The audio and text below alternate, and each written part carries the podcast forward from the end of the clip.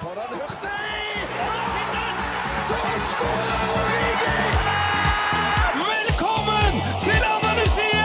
Gutten har blitt en mann! Det blir for mye rør! Det er bullshit. Det er goal, det er goal igjen! Der var reprisen din. Sorry. Da er det hens. Hens, hens, hens. Alt er hens. Det hjelper å spille fotball med en spiss på banen hvis du vil ha mål. Sånn eh, avsluttet Morten Langli sin kommentering i dag. Eh, for Spania-Tyskland ble en eh, høydere, jeg vil kanskje si eh, den gøyeste kampen i VM til nå, eh, Peder Mørtvedt. Velkommen til podkasten. Enig?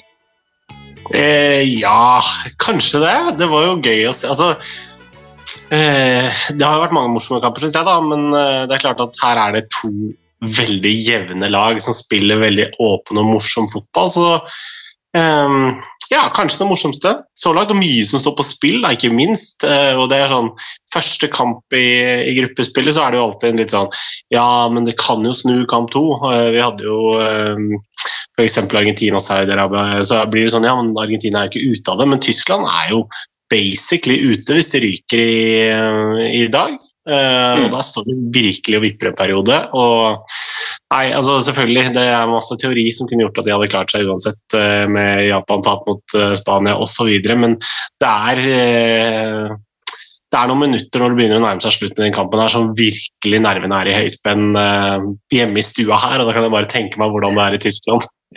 Ja. ja, nei, De ville jo i så fall gått inn i den siste kampen her og vært avhengig av at ikke Spania ble enig med Japan om å spille uavgjort eller et eller annet sånt. Så nå, eh, nå har Tyskland, selv om de eh, ikke nødvendigvis eh, kontroll... Altså, De ligger sist, de er fremdeles sist i gruppen.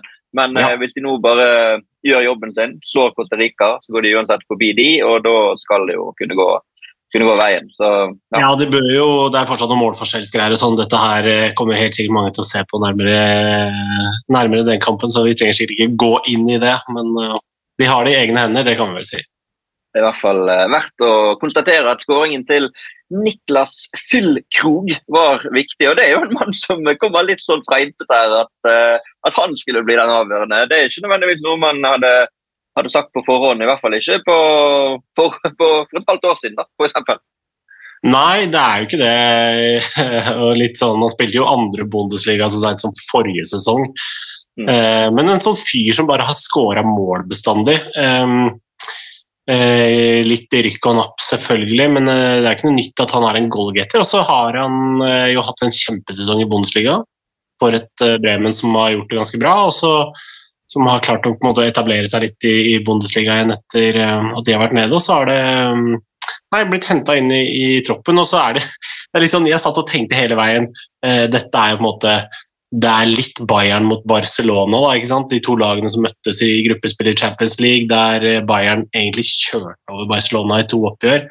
Eh, Den søte revansjen, det var liksom den typen tilnærming jeg hadde når plutselig Nicolas Fyllkrug, som ikke har hatt noe i nærheten av en Bayern-karriere eller en Barcelona-karriere å tenke på noen gang, plutselig eh, hamra inn den, den goalen. Han kunne jo hatt flere også. Jeg syns han kom inn med en herlig presence hele veien. Han eh, spilte med kassa fram, han var eh, rå i duellene, duellen, han markerte seg skikkelig. og Skulle selvfølgelig hatt ballen fra Musiala når eh, Musiala valgte avslutning, og kunne ha fått sitt første mål litt før da. da. Så er han en fyr med litt sånn diverse fun facts. Jeg gikk bare kjapt inn og så på Wikipedia-artikkelen hans. Altså, han kalles for eh, lykke, som betyr uh, altså luke mellom fortennene på tysk. Han har liksom en liten sånn luke foran her. Uh, det sto også at uh, en gang på trening på Werder Bremen så måtte han på sykehuset og endte opp med tann til en av lagkameratene sine i pannen. Så Det var en sånn artig fun fact. Og den tredje var at han hører på Eye of the Tiger for å motivere seg. Så um, Det blir nok litt Eye of the Tiger inn mot siste avgjørende kamp der i gruppespillet for, for både Tyskland og uh, vår venn Niklas. Men um, den andre puljen som ble spilt i dag, uh, er jo en annen gigant. Vi må jo kunne kalle det det, selv om de ikke kan vise til uh, den samme VM-historien som Tyskland. Men Belgia er på gyngende grunn etter dagens resultater i gruppe F. For de slet seg gjennom åpningskampen mot Canada. De hadde jo kanskje ikke fortjent å vinne den engang, men klarte det. Men i dag eh, gikk det skeis for Thibaut Courtois og de andre belgierne.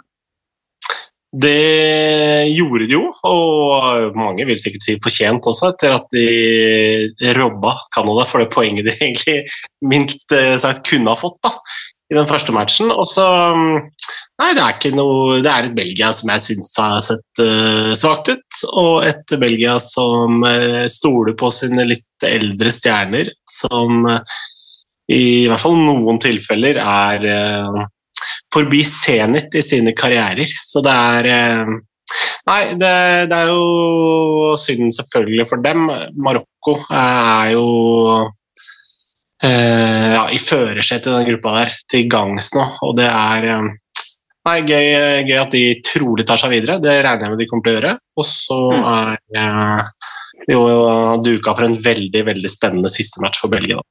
Ja, Det mest sannsynlige nå er jo at eh, da eh, Marokko tar seg greit av kan. Det jo ikke, det er ikke sikkert det kan godt hende de taper den kampen, det kan jo hende at det skjer, men det er i hvert fall at Kroatia og Belgia da, at en av de rykker ut i gruppespillet. Ser det ut til nå. Så det, det, er spennende, og det er spennende i mange grupper. Mm. Ja, begge semifinalister vel i forrige EM, så det er klart at, eh, det, at en av de skulle ryke i den gruppa der, er jo overraskende. og eh, Det er selvfølgelig det er kanskje noe ah, Nei, det tror jeg ikke kan skje engang, at, de, at ikke en av de ryker. Nei, for det målforskjell der vil vel gjøre at uh, altså Hvis Canada vinner over Marokko, så er de oppe på like mange poeng, og Belgia spiller uavgjort. Ja, hvis, hvis Canada vinner veldig mye over Marokko, da, ja, men Canada er være og de har jo At de plutselig skal knuse til og knuse Marokko med så store sifre at nei, det, det, blir bare teori. Så jeg, jeg kan, tror vi kan eh, nesten være enige om at enten Kroatia eller Belgia ryker, og det er en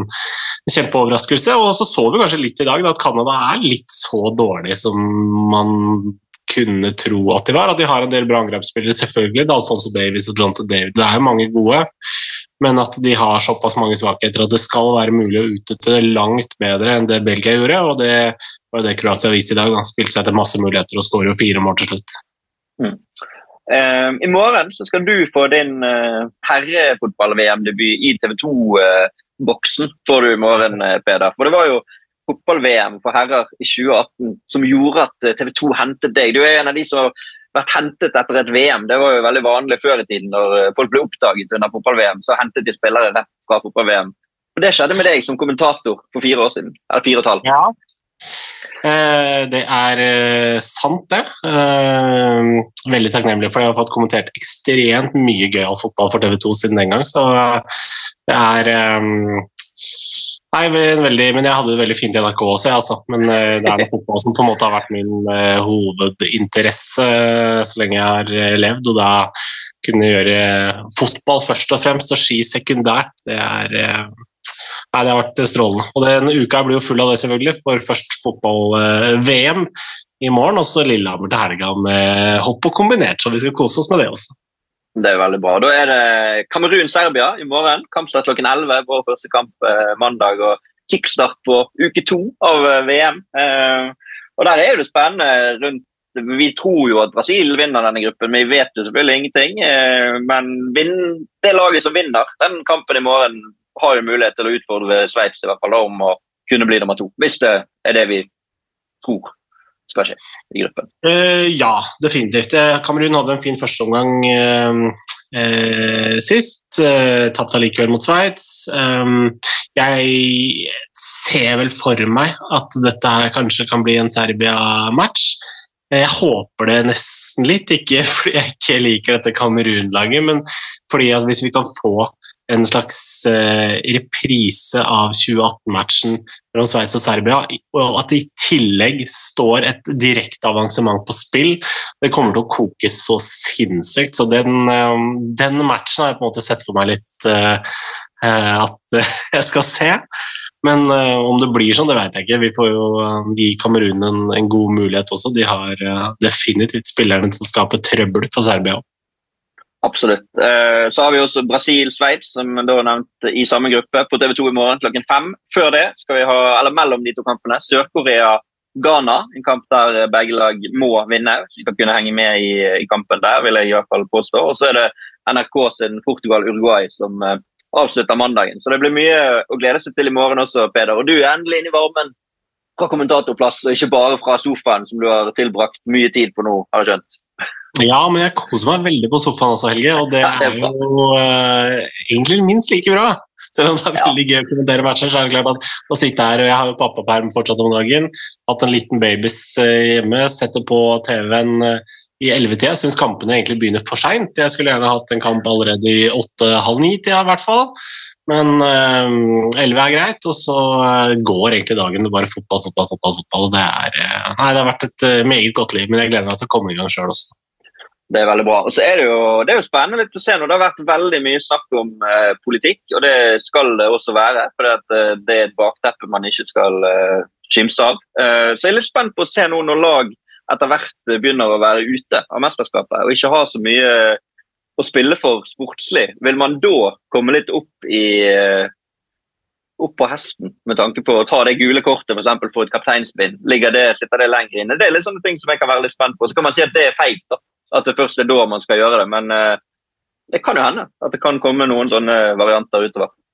Ja, det kan jo hende. Det er jo i det hele tatt som du sier, det er mye ulike ting der da, som man kan uh, bite seg merke i. Og vi har jo en liten en i morgendagens eh, kamp for uh, min del også, og det er jo selvfølgelig eh, hvilke sko Gael Ondua kommer til å spille Mm. med. For han spilte jo med det russiske flagget på skoene i forrige match. Og eh, det store spørsmålet er selvfølgelig gjør han det igjen, for det hadde ikke Fifa noe problem med. Det var, eh, han er jo delvis oppvokst i Russland, og derav eh, den lille sympatien som ble sendt i den retningen. Mm. Og når det landet er utestengt fra mesterskapet, så er det jo mildt sagt spesielt da, at det bare godtas eh, som eh, det det er. Men eh, ja, vi skal ikke sitte her og dømme for mye. Eh, Vi kan ikke sette oss eh, i de skoene til de som skal vurdere hvorvidt eh, politikk skal eh, gjennomstyre fotball, men sånn rent personlig så syns jeg det er en rar vurdering at man ikke skal kunne spille med et regnbuekapteinsbånd, men at man skal få lov til å ha flagget til en nasjon som er utestengt fra kvalifiseringen til mesterskapet på skoene. Men eh, sånn er det. Eh, takk for at du var med, Peder. Eh, nå skal vi eh, også få med Jesper Mathisen. Jeg skal skru tiden litt tilbake, for jeg måtte snakke med han før eh, kveldens kamper. Så jeg nevner vel kanskje én ting der om at det kun er Qatar som er ute av mesterskapet. Men når vi snakker sammen nå, Peder, så er jo Canada også ute. Dessverre, selv om de har vært gode. Ja, og har jo en av eh, fotballens morsomste spillere på laget, selvfølgelig, Alfonso Davis. Så det er synd at vi bare har én kamp igjen med han, men den skal vi kose oss med Canada-Marokko da, altså på TV 2 med meg på mikken. Så det gleder jeg meg også til. Det er veldig bra. Takk for at du var med, Peder. Takk for at jeg fikk være med. Og Da skrur jeg klokken litt tilbake i tid og ringer opp Jesper Mathisen i Doha. Da er vi eh, direkte inne fra Doha med deg, Jesper Mathisen. Eh, Velkommen til eh, TV 2s VM-podkast. Det er vel første gang for deg? Ja, dette er min debut i, i denne podkasten, så dette har jeg virkelig sett fram til. Jeg har jo sett en del av de andre dere har invitert inn før meg og har vært litt undrende til akkurat det, men endelig så, så fikk jeg muligheten, da. Så nå får vi se om jeg klarer å ta vare på den. Ja, Det tror jeg skal gå veldig bra. Du har jo, du har jo mer podkasterfaring enn de aller aller fleste som har vært med her, så jeg tror nok det skal gå, skal gå veldig fint. Men eh, ja, du har jo vært i Qatar i en ukes tid nå. Det er vel en uke siden mesterskapet begynte omtrent uh, akkurat nå når vi snakker sammen. Um, hvordan syns du det har vært?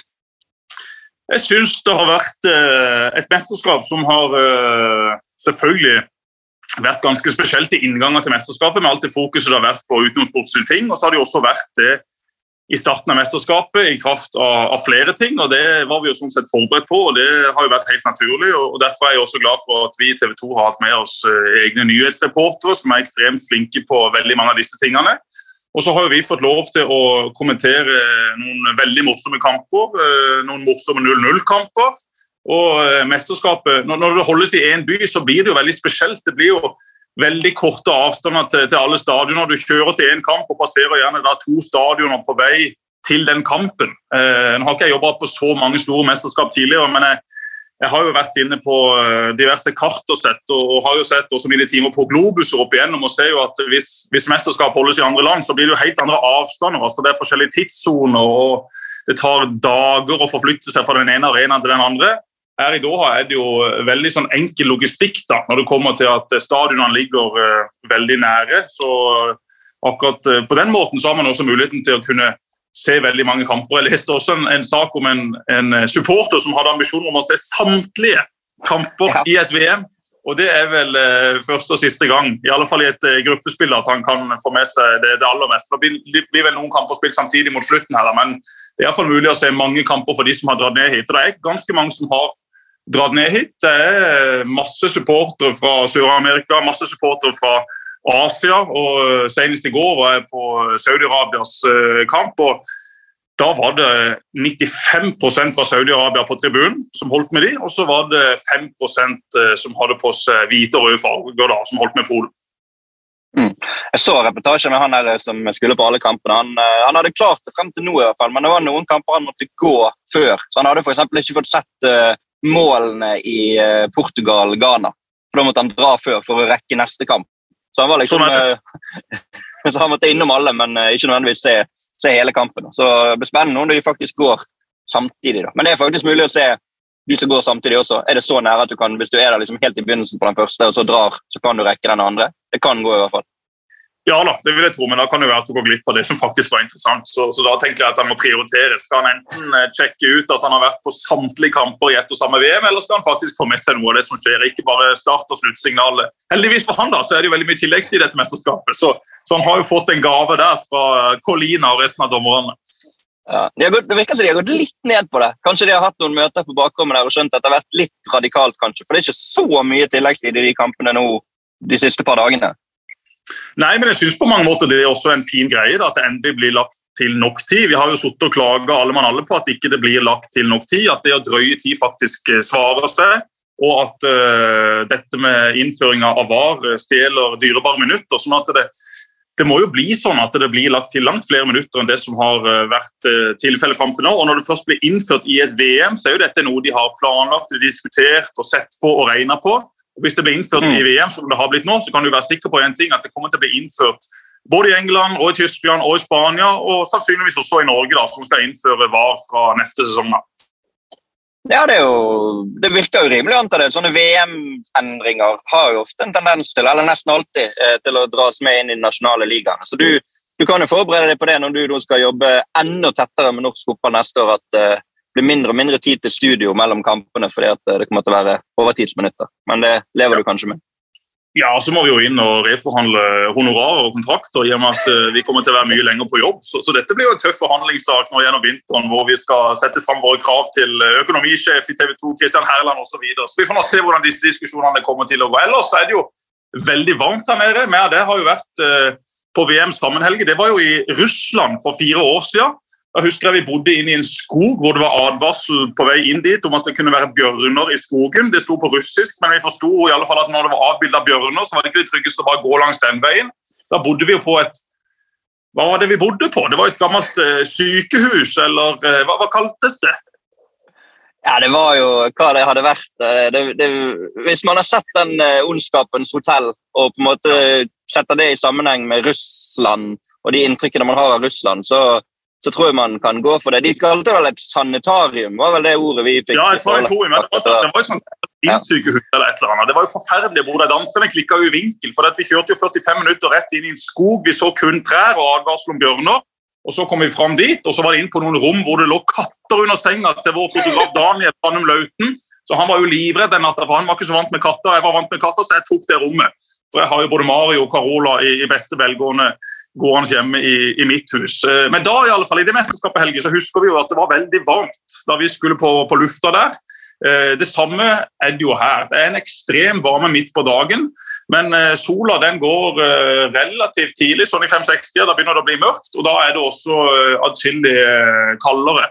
Og Inne på arenaene så er det fin spilletemperatur. Der har de jo brukt kroner både på å installere disse ventilasjonsanleggene, og så bruker de også noen kroner på å drive de, vil jeg tro. For de blåser det de kan, sånn at eh, det skal være fine temperaturer for spillerne på, på matta. Og, og, Det ser det ut at det har eh, vært nå. Det er ikke, det er ikke noen plagende varme, da, men for oss som er 110 kilo og har hatt seg en joggetur tidligere på dagen, så kan jo den ettersvetta vare både 6, 7 og 8 timer. Så det er om å gjøre å få tatt treningsøktene her nede så tidlig på dagen som mulig, så ikke man skal være altfor prega av det når man kommer på, på sending på kvelden. Mm. Eh, det ligger forresten en blogg som jeg skrev den gang fra Russland. her, så gå inn på tv2.no og søke på den. Hvis du søker på Saransk og mitt navn, så tror jeg man, man skal finne den. Men sånn, rent sportslig, Vi kan jo begynne med ja, du nevnte det, Vi var jo i Russland, fulgte Danmark eh, i en veldig lik gruppe. Danmark var høy gruppe med både Frankrike og Australia også den gang. og så var det Peru i stedet for Tunisia. Men vi, vi kan på en måte ta litt status fra de gruppene som per nå i hvert fall har spilt to kamper. da, når vi snakker sammen eh, søndag formiddag før det skal avgjøres. Det, jo, det som er litt gøy her, er at det er nesten ingenting som er avgjort. Det eneste som er avgjort i eh, VM til nå, eh, er jo at Qatar er ute. Ellers er jo ingen, det er ingen som ennå har vunnet gruppen, selv om et par nesten teorien har vunnet gruppen.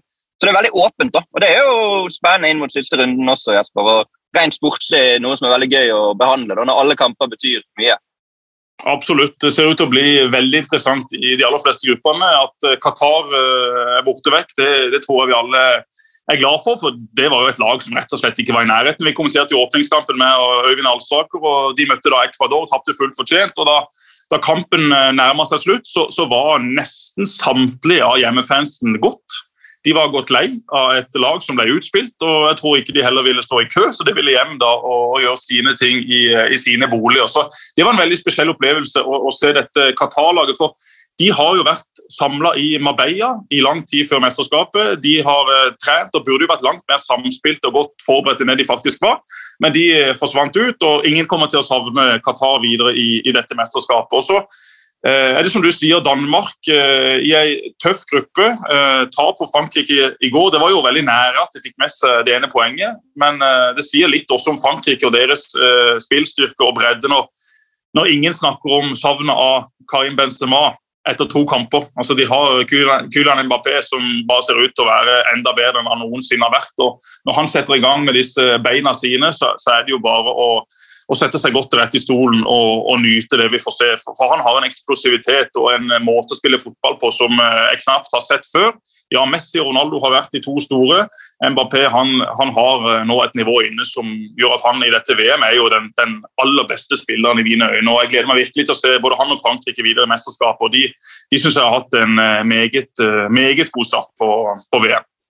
Mm. Jeg så at eh, Didier Deschamps skulle hvile litt spillere mot Tunisia, så det kan jo være en mulighet for Tunisia å snike med seg noe der. Men sånn i utgangspunktet så tenker man vel at det er en kamp om andreplassen mellom Australia og Danmark. Danmark i en helt avgjørende kamp eh, må da vinne over Australia, samtidig som de i teorien i hvert fall trenger hjelp for at Frankrike ikke taper mer mot Tunisia enn de taper, nei, enn det Danmark skulle slå Australia med. Så vi, vi tror vel det at det er en avgjørende kamp. og Da blir det tøft for Finn Gnatt igjen vet du, med sine røtter både fra Australia og Danmark.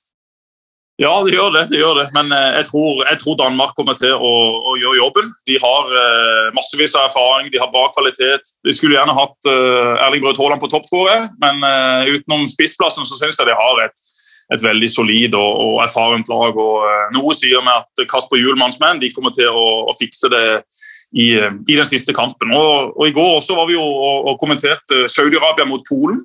og Det var jo Polen som, som vant den kampen. Da. men hvis det er et lag med spillere som har overraska meg, så er det Saudi-Arabia. Altså Måten de slo Argentina på, det var enormt imponerende. De var i trøbbel i første omgang, spilte veldig tøft, sto ekstremt høyt med offside-linja si. Jeg satt på kommentatorplass og tenkte dette kommer til å ende med både 4-5 og 6-0. Og så skjedde det et eller annet merkelig etter pause. De kom ut, fikk to skåringer, og etter det så bare gnistra de øynene på dem. Og det samme i går gjorde det mot Polen. Men Polen var smarte, de var gode, de var erfarne. De har eh, bra keeper, de har solide stoppere i boksen, de har massevis av erfaring på den sentrale midtbanen, og så har de Lewandowski på topp, da, som omsider kom i gang. Eh, det var imponerende av Polen å vinne den kampen, for intensiteten til Saudi-Arabia i, i presse, i måten å spille fotball på Vi satt og kommenterte ved siden av Glenn Strømberg, som kommenterer for eh, svensk TV, som har vært med i fotballen i en årrekke. Han var også veldig veldig imponert over Saudi-Arabia. Hadde ikke sett den intensiteten uh, annet enn hos de aller beste lagene. Så, så, Det er jo en, en gjeng med spillere som vi, som vi, ikke kjenner til, fordi at de spiller i den saudi-arabiske ligaen. og Det er jo ikke en liga vi følger hver eneste uke, Helge. Og, og det at man kan stifte noen sånne nye bekjentskaper med både lag og spillere i et VM, det er jo også noe av det som er aller gøyest, at det kommer opp eh, lag og, spillere man ikke hadde sett for seg på, på forhånd, som virkelig spiller en, en, eh, en morsom fotball. Så, så der har har fått vært på de sine to kamper til nå, vært, vært veldig morsomme å se på. Det har vært veldig åpne og, og gøyale kamper. og det, det liker jeg jo, for det er nok av lag som spiller med håndbrekket på her, og som er veldig redde for å slippe inn mål. Der har ikke Saudi-Arabia vært. Denne gruppen skal jo avgjøres på onsdag. Begge kampene går jo da samtidig klokken åtte. Polen, Argentina og Saudi-Arabia, Mexico på TV 2. På TV 2, eller TV 2 Direkte og TV 2 Sport 1 går vel de to kampene. Eh, da er vel gjerne du reist hjem igjen, er ellers får du med deg eh, siste til Messi? Nei da, jeg skal eh, kommentere sammen med Langli faktisk på, på Ja. onsdag. Argentina mot uh, Polen. Så, så det også blir jo spennende. Uh, jeg tror alle som, alle som elsker fotball, alle som har fulgt med på fotball de siste 20 årene, unner jo Messi et VM. Jeg tror Uansett hvilket landslag du holder med, med mindre det er Portugal, så håper du litt på at Messi skal, skal få dette VM-trofeet. For han har gitt oss så mye, han har vært på et så skyhøyt nivå. Vi har aldri sett noe lignende. Og kommer kanskje heller aldri til å se noe lignende i vår levetid. At, at vi, vi håper jo virkelig at han kan i alle fall bli med veldig langt da, og gi seg selv en sjanse til å vinne dette VM. Men jeg er litt mer skeptisk etter de to første kampene, for jeg syns det er en del som mangler i det argentinske laget. Messi har vært fenomenal i første omgang mot Saudi-Arabia og var veldig god igjen i går. Men det er noe som sier meg at de kommer til å få, få trøbbel når de møter de aller skarpeste lagene i, i VM, bl.a. Brasil, som eh, jeg syns så veldig god ut i den første kampen, og som eh, var min favoritt før mesterskapet, og som, og som fortsatt er det. Så er det sånn, De kan jo faktisk ryke ut eh, mot Polen. der, altså De er avhengig av et resultat der. Saudi-Arabia spiller mot Mexico samtidig. så En helt åpen gruppe. Det samme er det jo England sin gruppe. England topper per nå, fire poeng. Iran har tre, USA to og Wales eh, ett. Eh, Det betyr at England styrer det sjøl. De møter Wales, men der kommer jo de til å bite fra seg voldsomt waliserne, som møter storebror igjen i et mesterskap. Ja, det ble en veldig interessant avslutning på den eh, gruppa også. England England fikk til tider kjørt seg mot USA, veldig imponert over det amerikanske laget. De har eh, en veldig eh, sterk, ung, atletisk midtbane som, som løp og løp og løp, og som var også veldig gode med ballen. De var, de var smarte og de var, de var gode. England var heldig til tider som ikke slapp inn mål og, og kom i, i kjempetrøbbel. Eh, Declan Rice på den engelske sentrale midtbanen han, han fikk rett og slett kjørt seg han mot McKenny og de andre amerikanske gutta. Og det at USA skal ha VM om fire år, det, det blir jo et veldig spennende lag å følge. og En ting er at de er gode nå, men jeg tror de kommer til å være enda bedre da. England har, har vært eh, som de ofte har vært i mesterskap, ikke kjempemorsomme å se på. Iran ble feid av banen. Det var en gøy kamp. Mot USA så, så var det veldig forsiktig, og det var noe kalkulert over det også. Jeg, jeg tror nok Southgate og, og co. hadde sett på tabellen og tenkt at ok, får vi med oss eh, poeng her, så har vi fullstendig kontroll på denne gruppa, da går vi videre. Og Det er jo tross alt det viktigste i et gruppespill. så Noe sier meg at England kommer til å, å komme med litt mer eh, offensiv eh, plan og spille etter hvert. Jeg håper i alle fall det, for de har såpass mye kvalitet i, eh, i det laget sitt at eh, det må da kunne være mulig å spille en mer morsom fotball. Så må det også være mulig å kunne bytte inn på andre enn Jordan Henderson når du, når du skal inn og prøve å få litt mer spill. Når Phil Foden sitter på benken og, og ikke blir brukt mot USA, og Jordan Henderson kommer innpå der og, og bare gjør feil, så, så, skjønner jeg godt at uh, både Southgate og Henderson får uh, bra med kritikk i, i både engelsk presse og, og andre som, som følger dette mesterskapet. For det, det, var et merkelig bytte. og det var, en, det var en ganske svak gjennomført kamp på England, men noe sier meg også at uh, de spiller litt sånn med vilje nå, rett og slett bare for å kontrollere seg videre for dette gruppespillet. Det, det kan jo ingen ta dem på.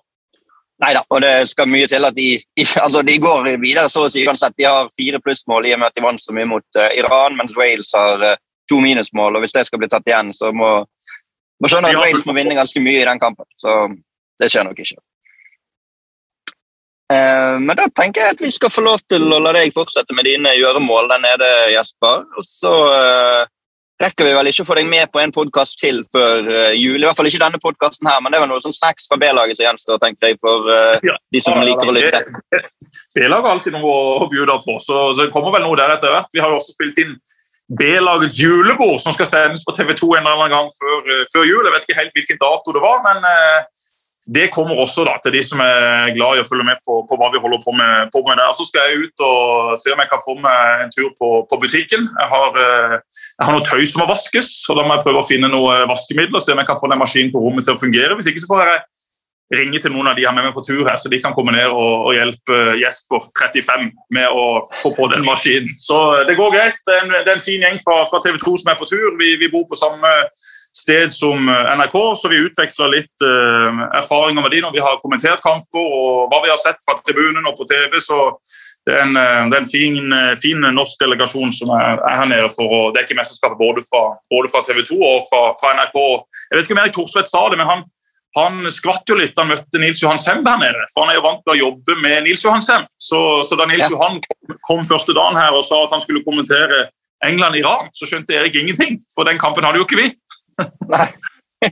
Men da måtte han eh, tenke seg om at ja, men nå jobber jo Nils Johan faktisk i Viaplay, og så jobber han for eh, NRK i mesterskapet. Så Erik, som har egentlig kontroll på det meste, han hadde ikke helt uh, oppdatert seg på, på, hvor Nils Johan uh, hadde sin arbeidsgiver akkurat nå. Så det var, det var hyggelig å se Nils Johan her også. En uh, strålende kar som vi har jobba med i mange år, og som også i si tid var min trener på diverse U-landslag han, eh, han, blir jo selvfølgelig den som får best og mest farge her nede. Han er jo alltid solbrun, og han, eh, han passer sånn sett veldig greit inn i et solfylt eh, Doha.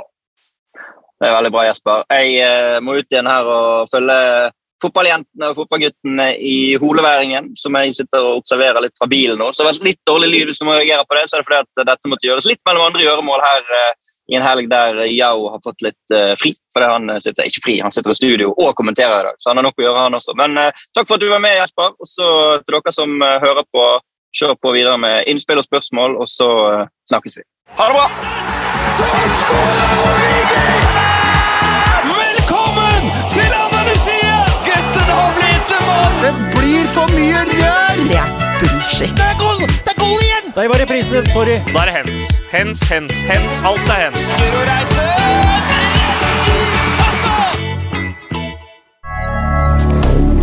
Moderne media.